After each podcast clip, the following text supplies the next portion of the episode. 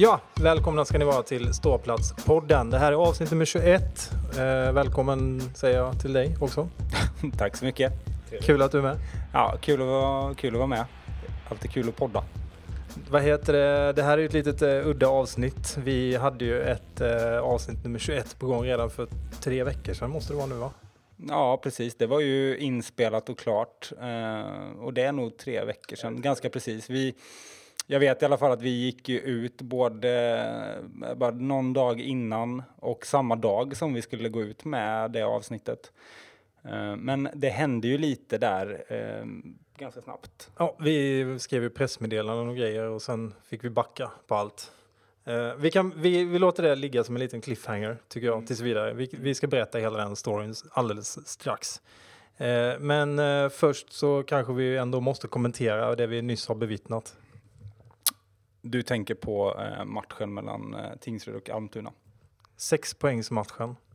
Precis. Eh, det, det kändes ju ganska tidigt, eh, eller tidigt ska jag inte säga, jag kom in ganska precis i slutet på första perioden och det kändes som att Tingsryd eh, gjorde en bra match men fick ingen utdelning och det har vi varit med om förut. Och tyvärr så blev det som man kanske kunde misstänka att det slutade med en bra prestation utan någon som, något som helst eh, resultat får man ju säga. Ja, det... Eller ett resultat blev det. Det blev ju ett resultat, men inget bra. Exakt. Nej, det, det känns just nu extremt bittert faktiskt. Vi hade, vi hade verkligen chansen där, det, det vet ju alla om, att hänga av dem. Men uh, nu blir det, ja, det är som vi har sagt ganska länge. Det kommer att avgöras sista matchen förmodligen. Uh, hur som helst, vi håller inte folk på sträckbänken längre. Nu tycker jag att vi uh, spelar upp ett litet klipp. det var ju nämligen så att vi skulle intervjua Hannes Johansson på riktigt den här gången. Eh, och eh, det gjorde vi och eh, det lät så här. Välkommen till Ståplatspodden Hannes. Kul att du, att du är med. Ja, tack så jättemycket. Du får väl intyga här nu på något sätt att det verkligen är du. Så inte folk tror att det är något ihopklipp igen. Jaha, nej, men denna gången är det faktiskt jag. Så, ja, ja, men det är bra. Mm. Ja, men det är bra. Ja, men välkommen som sagt. Kul. Eh, jättekul att du ville göra det här.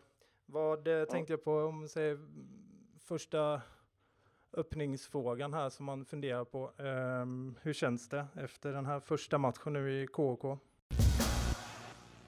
Ja, och uh, mycket mer än så där kommer ni faktiskt inte få höra av den här intervjun, tyvärr. Uh, däremot så kommer ni att få, få faktiskt veta hela bakgrunden och uh, en hel del också uh, av vad som sades. Inte själva intervjun, men vad som sades. Ja, men precis. Det, det var en intervju som pågick ungefär i 35 minuter och uh, den intervjun har vi och den har vi kunnat lyssna på och vi hade ett, som sagt ett helt färdigt eh, poddavsnitt redo att bara tryckas eh, på så här publicera. Ska vi ta det här från början kanske? Ja, absolut. Det kan vi göra. Jag börjar, du får fylla i. Ja. Eh, efter vårt förra avsnitt då som, eh, eh, som blev lite av en succé faktiskt. Vi tyckte det var väldigt kul i alla fall. Vi, vi skojade lite där med Hannes och även med, med Patrik Larsson och klippte ihop lite intervjuer som vi hittade på olika ställen. SVT, nej, inte SVT, Sveriges Radio var det några intervjuer. Det var, den med Hannes var ju någon, någon intervju efter någon match tror jag som han gav. Och så klippte vi ihop och skrev våra egna frågor och, och gjorde lite, liksom något, något kul av det, tyckte vi. Det tog lite skruv och... Eh... Ja, och det man kan lägga till där i intervjun med Hannes, eller precis innan vi hörde det vi hörde nu, så berättade han att han hade hört från en kompis som, eh, eller hört, en kompis hade hört av sig till honom och frågat vad 17 han höll på med och vad han hade sagt i Ståplatspodden. Så att det fanns tyvärr, jag tror att det var väldigt få som inte fattade ironin och att det här verkligen var ett totalt påhittat, mm. alltså påhittade mm. intervjuer. Det var väl till och med någon på Twitter tyckte jag jag såg som typ hänvisade till intervjun mm. eh, när han beskrev Hannes då som mindre begåvad eller någonting. Eh, så det var ju synd att folk missför missförstod det. Men eh, hur som helst, det som hände sen då efter detta var att eh, Hannes hörde av sig till oss och eh, vi blev lite nervösa för vi tänkte att nu har vi gjort bort oss här och han eh, har mått dåligt över det här på något sätt. Men så var det inte riktigt. Nej, alltså det, det var ju känslan först, absolut. Men han eh, var ju ändå ganska så här, han tyckte det var ganska roligt och han fattade ironin och eh, ville mest höra lite hur, eh, hur vi hade tänkt och berätta lite sin sida av det. Och eh, mitt, eller vårt förslag direkt till honom var ju så här, men jättekul att du, du så här förstod och skönt. Eh, men kan vi inte ta en, en riktig intervju och prata på riktigt och få höra lite hur det, ja, men hur det ser ut från ditt håll, liksom hela den här eh, Hannes Gate som vi kallade det. Exakt. Och eh, då mynnade det hela det här ut, ut, i en intervju som sagt som vi spelar in och som ni nu nyss har fått höra ett litet klipp av. Eh, det som då händer eh, ungefär en timme efter att intervjun är inspelad och vi har klippt ihop det här och satt ihop ett eh, poddavsnitt av det och eh, typ redo att trycka på knappen och, och ska publicera det här eh, så ringer eh, telefonen. Ja, precis. Eh, och då, då är det Johannes eh, som ringer. Och eh, han meddelar ganska nervöst att han vill absolut inte medverka i en podcast. Och han, eh, han vill inte att eh, den här intervjun kommer ut överhuvudtaget eller att någon ska kunna höra det han har sagt. Eh, förklaringen som vi får är väldigt diffus men man kan ändå förstå, eller det, så här, det som sades var att han vill inte liksom lägga mer ved på brasan, så kanske man kan säga. Det var något typ så han uttryckte ja. det och det, det är ju lite märkligt då kan man ju tycka att, eh, att han har kommit på det ungefär en halvtimme, en timme efter att han har gett en sån här lång intervju. Mm. Men han fick ju kalla fötter bara helt enkelt. Och eh, ja, vi sa väl ganska direkt att det respekterar vi liksom. Eh, det var ju fruktansvärt tråkigt. Det hade varit hett stoff. Vi, vi var ju nästan så här, shit, det här kan bli, det här kan bli tidningsartiklar på det här. Ja, men faktiskt. Vi, det kan, vi kan ju inte liksom stå för eh, vilka svar vi får på frågorna vi ställer. Eh, och det var verkligen bara det det handlade om. Vi ställde frågor och fick svar, men svaren vi fick var ju alltså, det som du säger, det var verkligen eh, click, clickbait eh, material, mycket av det. Eh, och eh, det som också är lite, eh, som liksom kändes ganska intressant var att han var, det kändes väldigt bekvämt och bra under intervjun. Eh, men vi... Fram till sista frågan?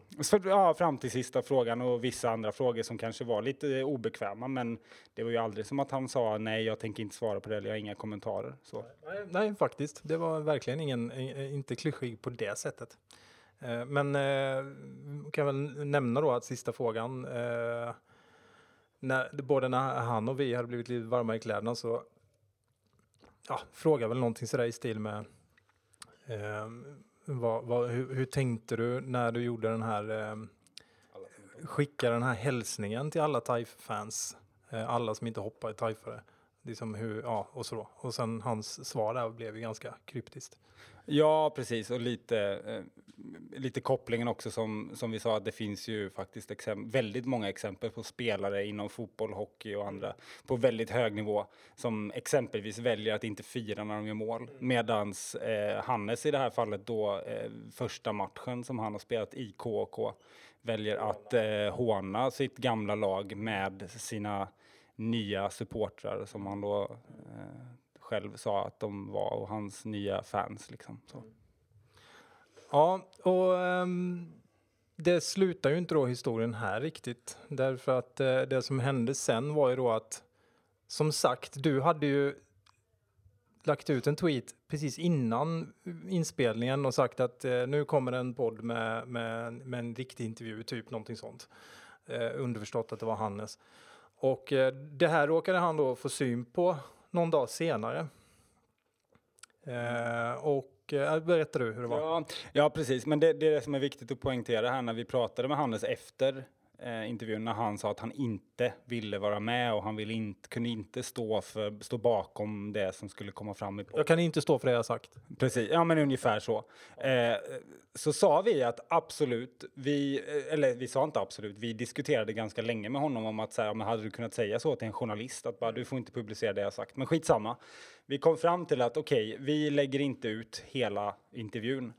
Men det du måste vara med på är att vi kommer att berätta det här. Vi kommer berätta att vi har haft en intervju med dig. Vi kommer berätta vad, som, vad vi har frågat. Vi, kanske in, vi, vi, kan liksom in, vi kommer inte att, att lägga en total citat på allting du har sagt, men vi måste ändå få nämna det här. Och vi kommer att säga att du av olika anledningar har tackat nej och mer eller mindre förbjudit oss att eh, lägga upp det. Ja, det var faktiskt bra att du sa det. Jag sa det. Jag satt ju bredvid när du pratade med honom. Eftersom, eh, med, alltså det låter ju väldigt eh, småaktigt, men ändå. Jag menar, vi har lagt ganska mycket jobb. Liksom, det, det är inte bara att man spelar in en intervju på, på, en halvtimme och så lägger man upp det, utan ja, men det ska förberedas frågor och man ska hitta tider som funkar och sen ska det klippas och hållas på. Ni ska veta det, det låter som han LG. Det är inte bara att podda här, ni ska veta det. Det är mycket jobb som ligger bakom. Ja, men vi var ju lite bittra och då var jag väldigt glad som sagt att du sa det där till honom så att han liksom, ja, det var inga konstigheter. Du sa direkt att vi kommer att prata om det här bara så du vet. Och det kunde han ju inte varken säga ja eller nej till. Nej, och det, det som hände sen, för att, att återkomma till eh, själva eh, storyn om man säger. Eh, vi la ut en eh, tweet, eller vi svarade på en tweet där någon frågade hur blir det med det här avsnittet ja, och intervjun. Eh, och då skrev vi något i stil med att det har uppstått lite komplikationer men det kommer att komma ut ett avsnitt eh, inom snar framtid eller något sånt där. Det som händer då är mer intressant. Mm. Då eh, får, eh, efter att den tweeten har gått ut så dröjer det inte lång tid innan vi får eh, ett meddelande från eh, Hannes. där han skriver att han har sett att vi har tänkt släppa ut något om podden. Jag vet inte vad det betyder riktigt, men ja, om att vi har pratat med honom förmodligen. Eh, även fast vi då ska ha sagt enligt honom att den inte ska, fin, ingenting ska publiceras. Han, han, han, han menar att vi skulle lägga ner podden då? I stort sett så skulle man kunna tolka det så, men, men så blir det inte. Eh, men det som gjorde att ja, men egentligen vi tappade lite eh, lusten och framförallt blev lite, vad ska man säga? Förbannade? Ja, ja förbannade och trötta på hela grejen var att det kommer även i, denna, i detta meddelande ett hot om att om vi gör no om vi överhuvudtaget lägger ut någonting som har med det här att göra så kommer han att göra en anmälan mot oss. Jag blir lite irriterad nu när det har ändå gått eh, mm. ett tag. Jag sitter här och blir lite små förbannad igen. Mm. Uh, och det vi, uh, vi behöver inte gå igenom hela den här konversationen, men vår, vår ställning till det här var hela tiden att vi, för det första så lägger vi ut precis vad vi vill. Vi har kommit överens om att vi inte kommer lägga ut intervjun, men vad vi säger i podden kan inte en, en jag vet inte vad jag ska förklara, men en liten pojkspoling som sitter i Växjö och, jobb, och har spelat i Tingsryd och gått till KK och har hånat TIE-fans. Han kan inte sitta och diktera vad vi säger i podden och inte. Eh, och det sa vi på ett väldigt snällt sätt till honom. Eh, men här, den här konversationen var så dum och så meningslös, vi la ner den till slut. Eh, men den landade till slut i alla fall i att så här, ja men lägger ni ut något så blir det en anmälan och det blir jätteintressant att se vad den anmälan kommer gå ut på nu. Och, och var, var, vem han, vilken instans han ska anmäla till. Vi, vi tipsade honom där i, i den här konversationen minns jag att han kunde ju testa med disciplinnämnden. Ja. De verkar ganska godtyckliga. Vi kanske får så tre avsnitts avstängning eller någonting. Precis, och förmodligen någon så här eh, procent av vår lön på podden. Det blir och, väldigt lågt i sådana fall. I och med att vi inte har lön så måste det betyda att vi, sk vi ska få pengar, tänker jag. Ja, alltså om det ska finnas någon slags konsekvens. I stort sett, vi går i back varenda ja, sekund vi spelar in en poddavsnitt. Så vi, ja, vi blir skyldiga. Ja, det kan ja. ändå. Vi blir skyldiga. Ja. Nej, det blir ingen bra affär för någon i alla fall. Okej, okay, men det var där vi landade och eh, därav så så är vi där vi är idag och därför sitter vi här idag och har hört om egentligen bara en fråga. Hur känns det efter första matchen med KK? Mm. Det ställdes ju ett antal frågor efter det här eh, och vi känner oss ganska fria att i alla fall recensera och eh, lite prata om hur det var att intervjua Hannes. Ja, eh, det måste vi väl ha vår fulla rätt i. Alltså vi kan väl, jag tycker ändå att man ska säga det for the record så kan väl vi lägga ut den här intervjun precis hur mycket vi vill, hur mycket vad vi än har lovat honom. Det, det spelar absolut ingen roll, men etiskt så här, vi gör ju inte det såklart eftersom vi har lovat. Eh, men så här, om man ska prata juridik eller någonting så kan han ju kan han ju bara liksom fantisera om att man skulle kunna förbjuda någon att inte sända en intervju som man har gått med på att spela in. Men skitsamma. Eh, så här, spontant så tycker jag att eh, intentionen och så här när vi gick in och skulle liksom ha den här intervjun så visst, vi var lite småirriterade och tyckte att det var liksom ganska dålig stil och bara överhuvudtaget att skriva på under säsongen och sen det här hånet då som verkligen var bränslet. Um, men eh, jag tycker liksom att det var ett bra samtal och sådär och eh... Ja, det var det. Och det som hände också ska man komma ihåg att det var på fredagen har jag för mig att det var att vi hade kontakt och bestämde tid för den här intervjun med Hannes. Och då var verkligen intentionen på riktigt och det sa vi till Hannes också att vi, vi kan tänka oss att ge din bild av det och kanske balansera den här eh, ganska, eh, jag menar han fick ju motta ganska mycket skit mm. på många sätt med all rätt men, men kanske vissa grejer inte var helt i proportion till nej, vad som hände. Men det som hände på lördagen sen var ju att han spelade sin första match med KK och gjorde det här hånet. Därav att vi absolut inte eh, hade någon, något mål att eh, ställa honom mot väggen. Men däremot på slutet så tog vi upp det. Ja. Och frågan att så här, tycker du, hur känner du själv? Tycker du att det var ett bra sätt att behandla TIFE-fans, dina gamla fans då får man ju säga, att göra det här det första du gjorde? Mm. Eh, så det är klart att det gjorde ju inte kanske vår inställning till Hannes gentemot Taif bättre, men det, vi hade ju aldrig något mål att vi skulle hänga ut honom eller så överhuvudtaget. Nej, exakt. Och, och med tanke på det och med tanke på hur, hur eh, intervjun liksom föll och det han sa så, eh, så känns det som att han sa ganska mycket som skulle röra upp känslor både i TIFE-läget men kanske framför allt i KHK-läget. Ja, både och. Ja. Jag kan tänka mig att han ja, det blir svårt att prata om den här intervjun utan att säga vad han sa. Men, men jag vet ett par frågor som han svarade på som dels handlade om spelare i TAIF mm. och gamla kompisar mm. i Tingsryd mm. och hur han eh, upplevde att de har reagerat. Men också eh, behandlingen av eh, spelare i, eh, i och, eller för detta lagkamrater i mm. andra lag. Eh, och kontakten med Tingsryd, vad som hände med ansvariga i Tingsryd, hade kunnat bli ganska jobbigt för honom. Alltså de svaren som han gav. Det var aldrig att vi det är ju såklart, vi hade inga svar. Vi ställde Nej, bara frågorna. Vi kunde inte lägga orden i munnen på honom direkt. Eh, en annan grej som eh, också kunde vara ett ganska känsligt ämne var ju eh, det faktum att Tingsryd och Karlskrona möttes i en match då efter att det hade kommit ut att han var klar eh, för Karlskrona. Då ställde vi lite frågor liksom om vad hans sympatier låg i den matchen. Han spelade ju inte då.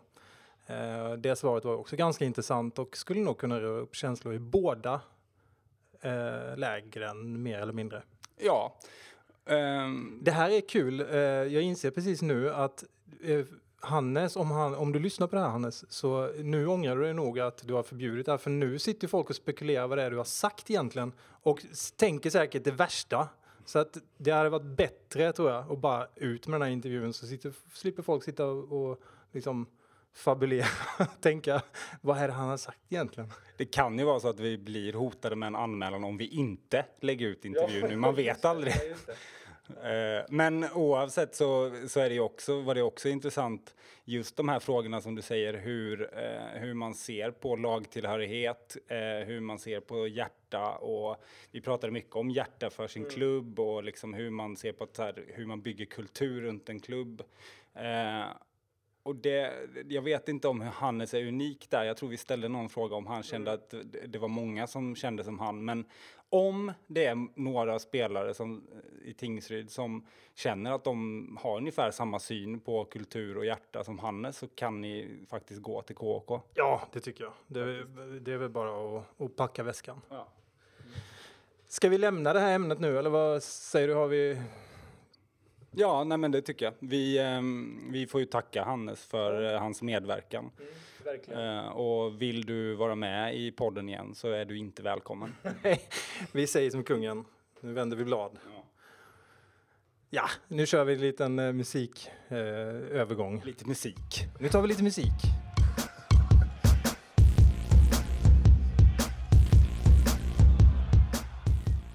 Ja, vi tänkte vi skulle snacka lite om, eh, på, lite på temat faktiskt, om det här med eh, spelaromsättning.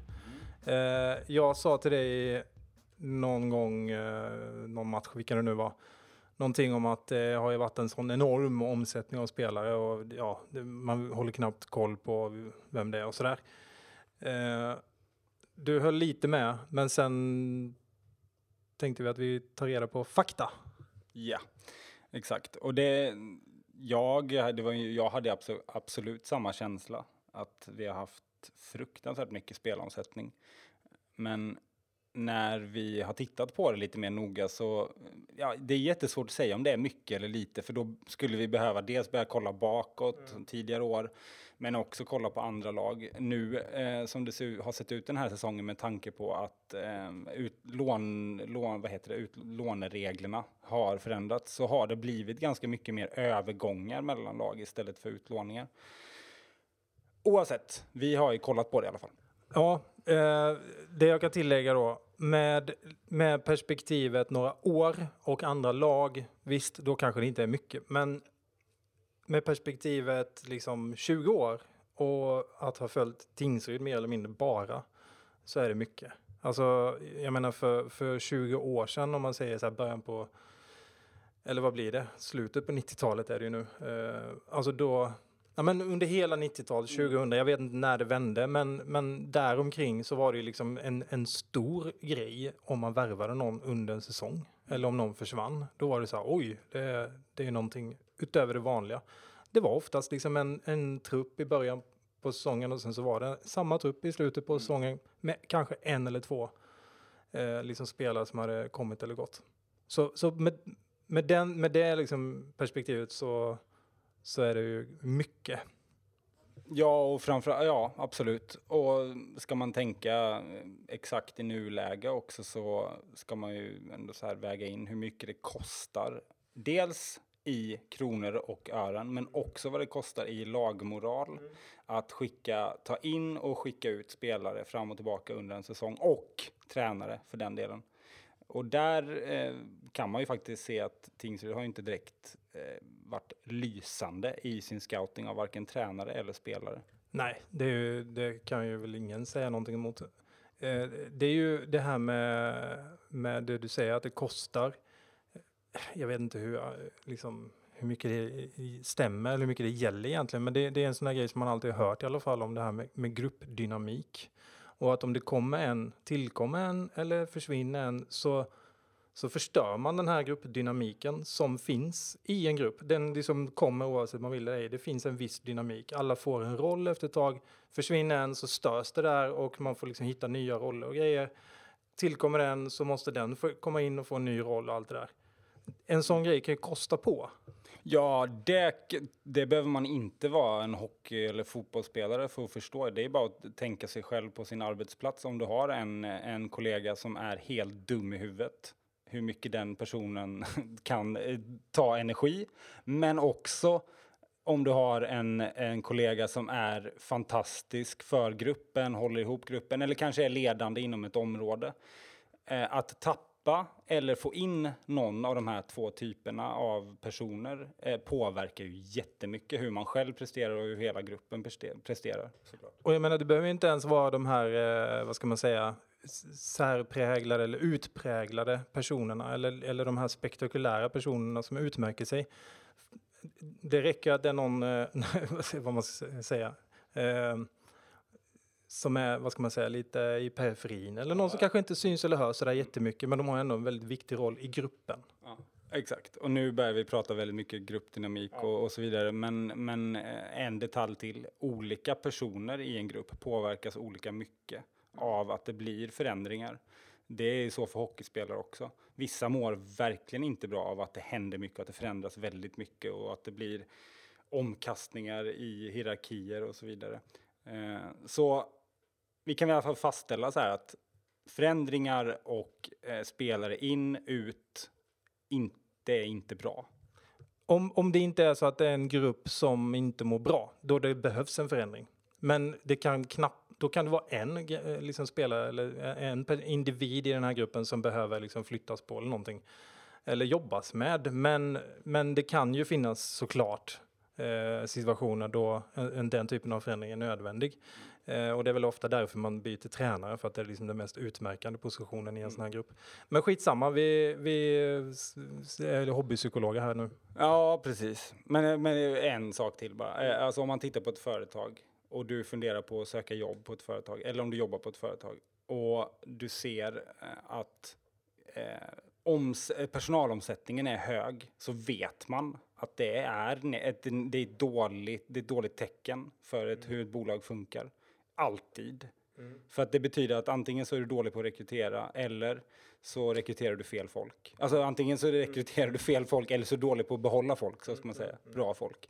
Mm. Uh, men okej, okay, så vi kollar på hur Tingsryd har skött sig i den här, uh, mm. den här frågan. Då. Uh, vi kan väl ställa en fråga till er lyssnare då, som ni får fundera på. Hur många spelare har försvunnit under säsongen i Tives laguppställning?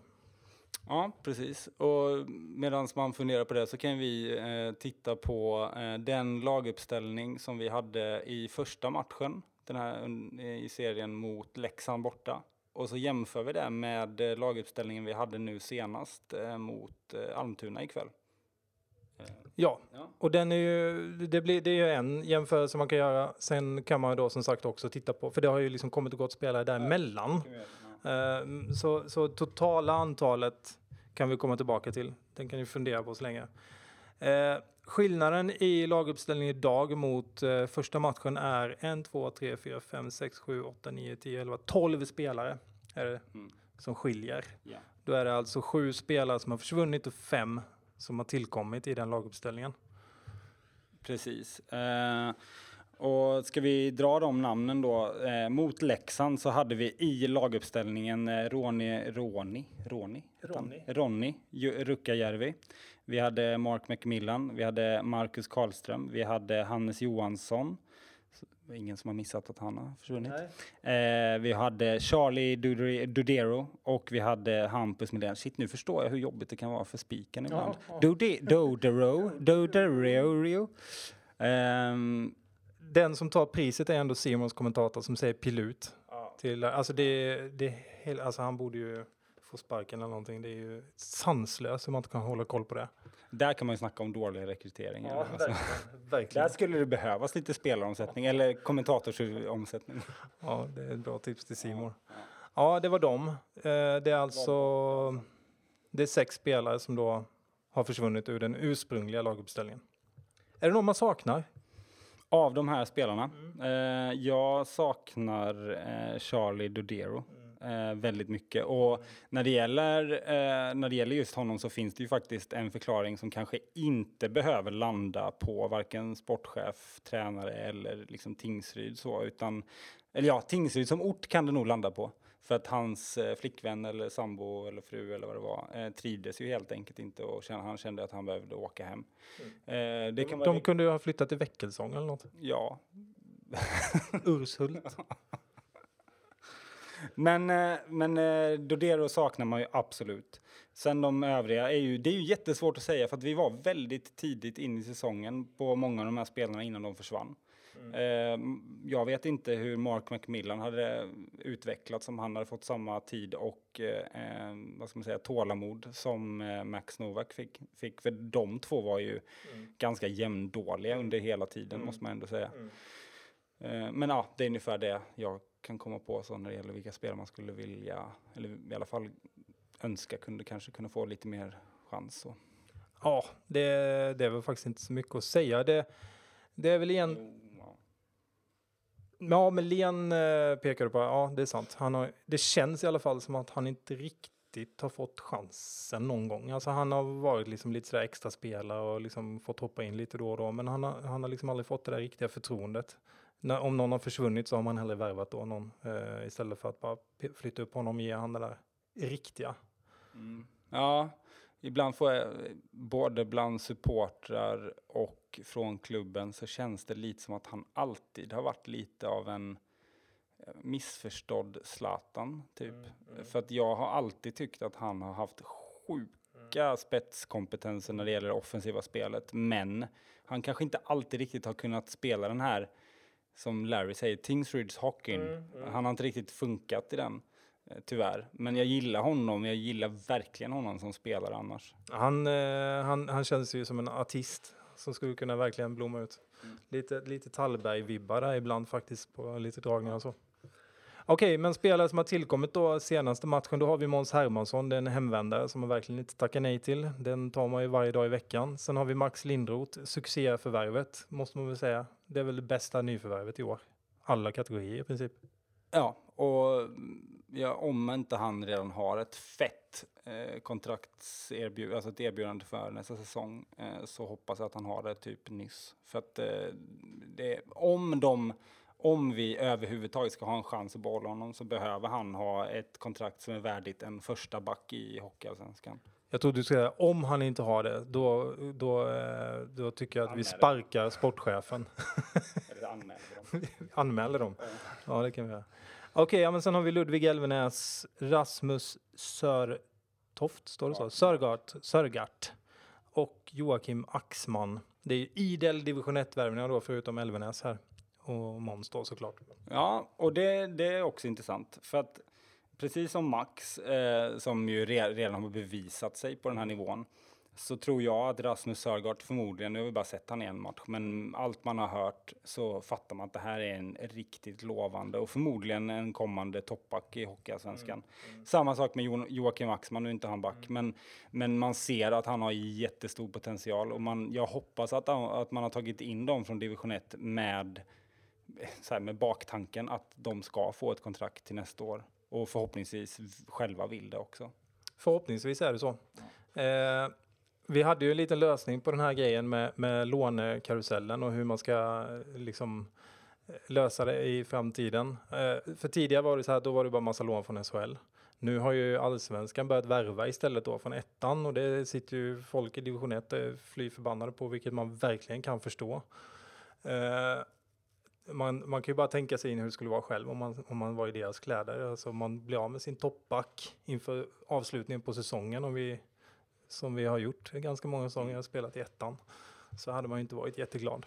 Nej, verkligen inte. Och det, jag menar, där får vi ju, där måste det ju bli någon slags, eh, eh, vad ska man säga, man måste behandla andra som man själv Mm, vill bli mm, behandlad. ja. Eh, precis som vi gnäller på SHL och tycker att de roffar åt sig och gör precis som de vill, så måste Hockeyallsvenskan lära sig av det. Och faktiskt på riktigt ha en dialog med Hockeyettan och komma fram till ett bra sätt att förhålla sig till det här. Jag fattar ju, det är ju så i Hockeyallsvenskan också, vi har ju opt-out eh, kontrakt, men någonstans kanske vi, för, ah, för hockeyns bästa så borde vi liksom sätta upp regler för det. Ja, det är inte hållbart. Alltså, de kommer ju sparka bakut, precis som Hockeyallsvenskan gjorde och gjorde en sån här gentlemannaöverenskommelse. Och nu står SHL där och får inga, får inte låna ut sina spelare i princip. Eh, så att det, det kommer ju att backfire. Men vår lösning där, som sagt, eh, min lösning, jag får väl ta åt mig äran eller får ta, får ta, får ta, får ta, skiten. Ja, precis. Exakt.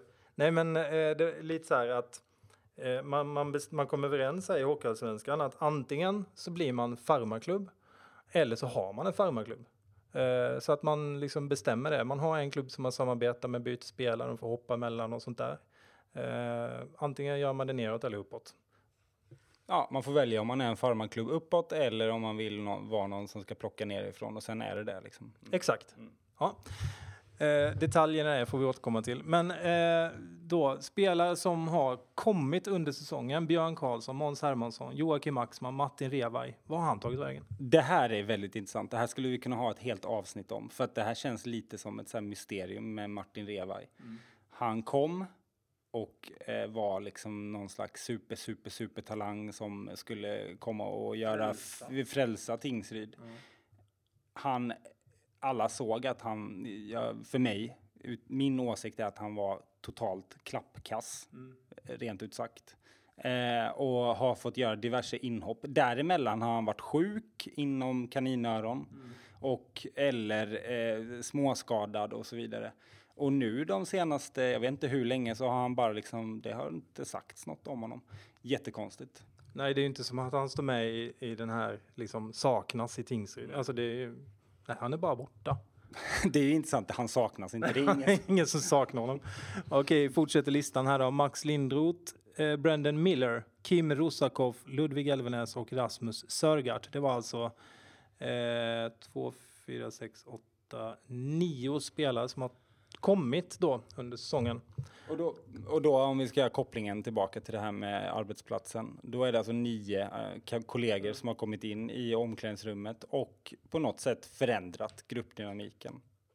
Om så bara för en dag, som i fallet med Kim Rosakov, eller en dag, han var väl där en vecka och så spelade han en match.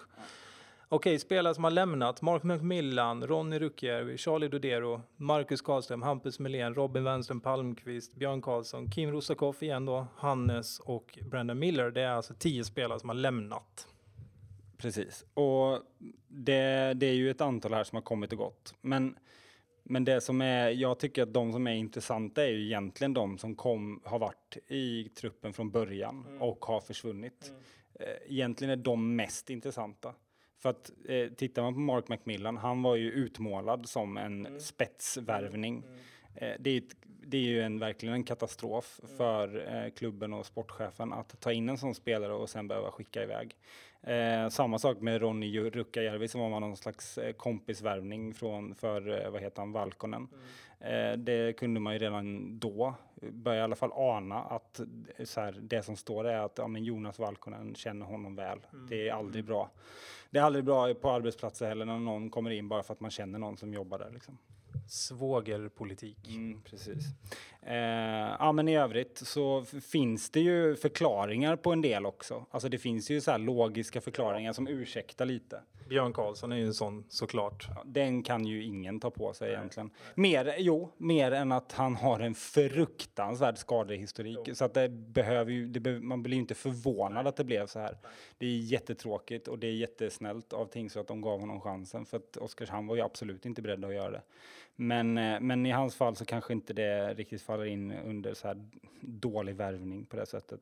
Eh, samma sak med Robin Wernström Palmqvist, där är det ju en J20-spelare som egentligen bara har fått chansen i division 1 istället. Eh, och samma sak med Dodero då.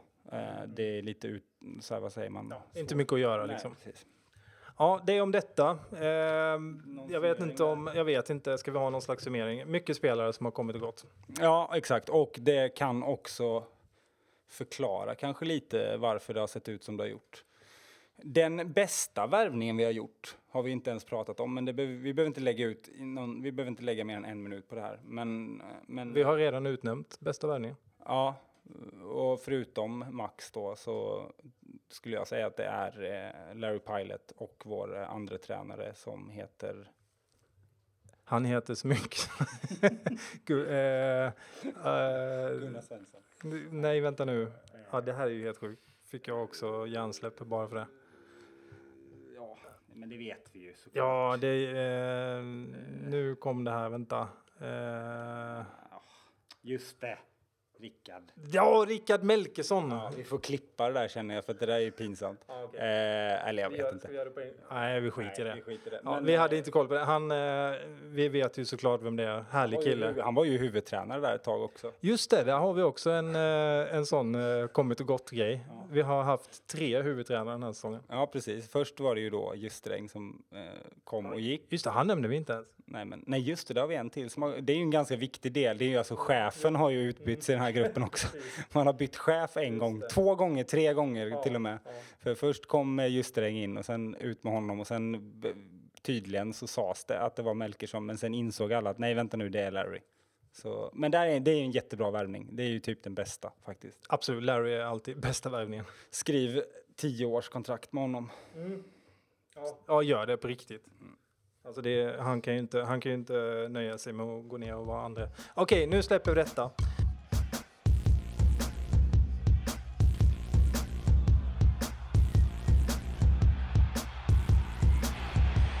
Vi har, eh, jag har en eh, kul grej på det här temat också. Jag ska bara ta den väldigt snabbt.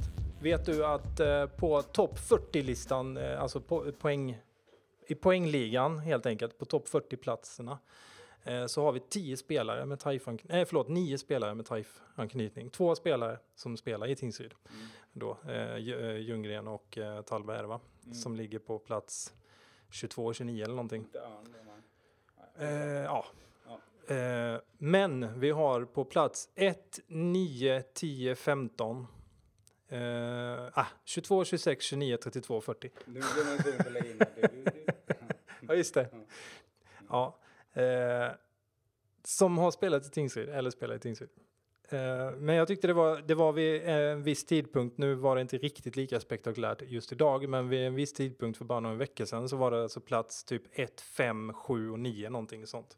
Eh, som då antingen ehm, spelade förra säsongen eller för ett par säsonger sedan. Det, det är den som ligger nummer ett.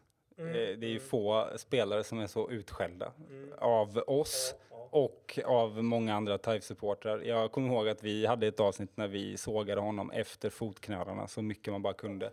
Men eh, jättebra, kul eh, dansk jävel. Ja, exakt. Jag skulle verkligen inte vilja ha honom i mitt lag så att det spelar ingen roll, han får ligga var han vill. Eh, Vem. Ja, Okej, nu, nu har vi tappat nivån. Shit. Eh, sportchef, hade vi pratat om det eller skulle vi prata om det? Ha, vi, vi vet ju att vi blir av med sportchefen nu, så det är jättetråkigt. Ja, nej, det, vi förlorar ju tyvärr eh, Thomas här nu och ehm, det blir... Eh, nej, förlåt, det blir svårt att ersätta. Eh, Men nu ska vi hitta en ersättare i alla fall. Och eh, jag, eh, jag har eh, en drömsportchef. Eh, sportchef. Eh, men jag vet att det verkligen bara är en dröm, för det kommer aldrig hända. Eh, hur tänker du? Eh, alltså jag kan väl tänka mig ett par, eh, han Norberg, Kent Norberg där i Timrå. Det känns som en sån klockren. Eh, ja, och även eh, vad han nu är, Kente. Jag menar han verkar ju allt bli guld som han tar i. Ehm, jag kan inte sådär jättemånga sportchefer på rak arm, men det var två sådana här som jag tänkte att om vi pratar drömvärvningar liksom. Eh, vem hade du? Eh, ja, de, båda de två är ju körda helt, Ja, ja, tyvärr. Och det är ju den jag tänker också, förmodligen. Men, men en, en seriös eh, önskan innan jag tar den här drömvärvningen, det är ju, hoppas att Tingsryd i alla fall har börjat höra sig för med Daniel Stolt, som är i Vimmerby nu tror jag. Som har gjort, gjorde underverk i Västervik och nu i Vimmerby. Eh, som, ja, men, som verkar vara så här upcoming. Verkligen. Men eh, okej, drömvärvningen. För att stänga alla diskussioner om TIFE slash eh, KK och den här rivaliteten. Inte stänga den, men snarare bara stänga den från vårt håll och sätta ner foten. Så skulle jag vilja se Patrik Larsson komma tillbaka, eller ja, han kan ju stanna i Tingsryd för han bor ju där. Eh, men han kan stanna där och inte pendla till Karlskrona utan eh, ta, ta tag i Tingsryd igen. När han gjorde det senast, under väldigt många år, fler år än vad som är officiellt. Så det är ju han som har gjort att Tingsryd är i eh, Hockeyallsvenskan idag. Egentligen. Han har en, en stor del i det, definitivt. Ja, men jag, jag är helt enig, självklart. Jag tänkte inte ens på det. Alltså, det är klart att den möjligheten på något sätt måste väl den finnas, men, eh, men det håller jag med om. Det, den, den tar jag framför alla som jag har sagt. Absolut. Mm, Ja, men, där, eh, men det, blir, det gör ju lite ont liksom, eh, med tanke på hur, med de senaste månadernas liksom, snack i media och sådär. Och även lite innan, jag menar han har ändå gått till KK. Så. Men vi har, vi, har tagit, vi har tagit tillbaka tidigare, vi har tagit tillbaka Micke Nilsson eh, och flera, jag kommer inte på några nu. Men vi får kanske fundera lite på det här med den förlorade sonen. eh, exakt, som eh, exakt. handlar om, eh, för er som är eh, bibelkunniga, så handlar ju det mycket om att man tar emot någon som ångrar sig och förstår att den har gjort fel. Man får komma tillbaka och förklara varför. Och då tror jag att Patrik eh, kan bli välkomnad i Tingsryd igen faktiskt. Det är jag helt övertygad om. Eh, han, han, han skulle göra succé, det är ett som är säkert. Eh, ska vi ta några korta ord bara avslutningsvis också då om avslutningen? Ja, just det. Avslutningen av eh, avslutningen. Jag kan ju säga spelschemat. Vi har Västervik, Björklöven, Leksand, Västervik igen och Oskarshamn sista matchen borta. Eh, fem säkra trepoängare som jag ser det. Och jag skulle säga att det är eh, noll säkra trepoängare. En som jag faktiskt här skulle kunna sätta lite pengar på att vi vinner och det är Leksand hemma. Västervik, jättesv- vi har jättesvårt för Västervik. Björklöven, alltså det finns inte en chans att vi vinner där uppe. Överbevisa mig gärna. Och sen Oskarshamn borta sista, det beror ju lite på. Så här, är, Oskarshamn, är det klart om de blir ett eller två så finns det en bra chans. Om det gäller någonting för Oskarshamn så kan vi nog... Eh, nej, då får vi nog vara nöjda med kanske en poäng i så fall. Eh, ja, det är bara att hoppas att det räcker. Eh, Almtunas spelschema ser ut så här. Oskarshamn nu då borta. KHK hemma. Västervik borta. Oskarshamn hemma igen. Och sen AIK borta i sista matchen. Och det, det låter värre än vad det är. Visst, om det är så att AIK har mycket att spela för och Oskarshamn också har det, då är det typ lika illa för både Almtuna och AIK. Men faktum är att Almtuna jag ska inte säga att Almtuna är ett buggy team för AIK, men, men de har svårt för Almtuna av någon konstig anledning.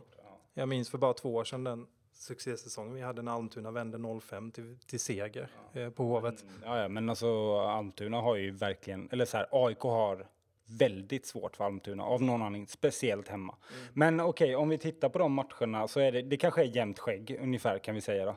Men problemet nu är att eh, ångesten ligger nog lite hos Tingsryd. Den ligger inte hos Almtuna för att hade de förlorat idag så hade det typ varit kört. Det, det, den stora skillnaden som jag ser är att Tingsryd har allt att förlora, Almtuna har allt att vinna. De sitter lite i den sitsen vi gjorde för ett år sedan. När vi, visst, vi- det var ju ett hopplöst läge nästan som vi vände, men eh, det hade varit ett hopplöst läge för Almtuna att förlora idag, precis som du säger. Och här kan, alltså en sån här vinst kan ju ge den extra boost av energi som behövs.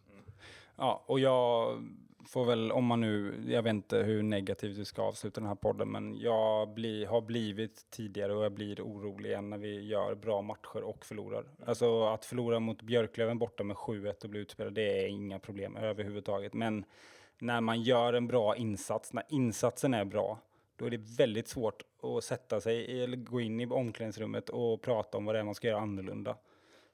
Det, det är verkligen någonting för Larry att bita i nu, alltså de här sista fem matcherna, hur man ska kunna liksom vända det här och bli liksom, få lite vinnarmentalitet. Alltså det finns ju inte på världskartan att vi åker ur, men om vi skulle göra det så är ju ironin är ju total. Vi skulle vara den division 1-klubb i Sverige som har typ bäst ekonomi genom tiderna. vi, har, vi har liksom, vi har eh, ett aktiebolag och, och eh, bolagiserat och har väldigt väl förspänt för att vara med, med allsvenska mått mätt. Tänk att liksom åka ur den här säsongen, det vore ju så fruktansvärt bittert. Ja, eh, det, skulle, det kan bli ett väldigt, eh, ska vi säga, intressant poddavsnitt om det skulle bli så.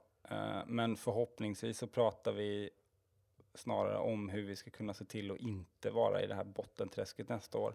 Men, men en sak som jag tycker att man borde, liksom, eller jag har ingen koll på det här, men det borde synas mer i eh, prestationen på isen att vi faktiskt är välmående ekonomiskt. Med tanke på hur bra det har sett ut de åren när det inte har sett bra ut ekonomiskt och vi ändå har lyckats.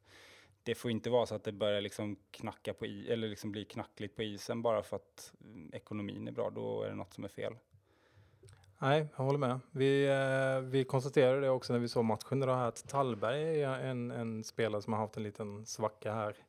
Eh, känns som att den svackan kom lagom där någonstans kring Karlskrona-matchen av någon outgrundlig anledning.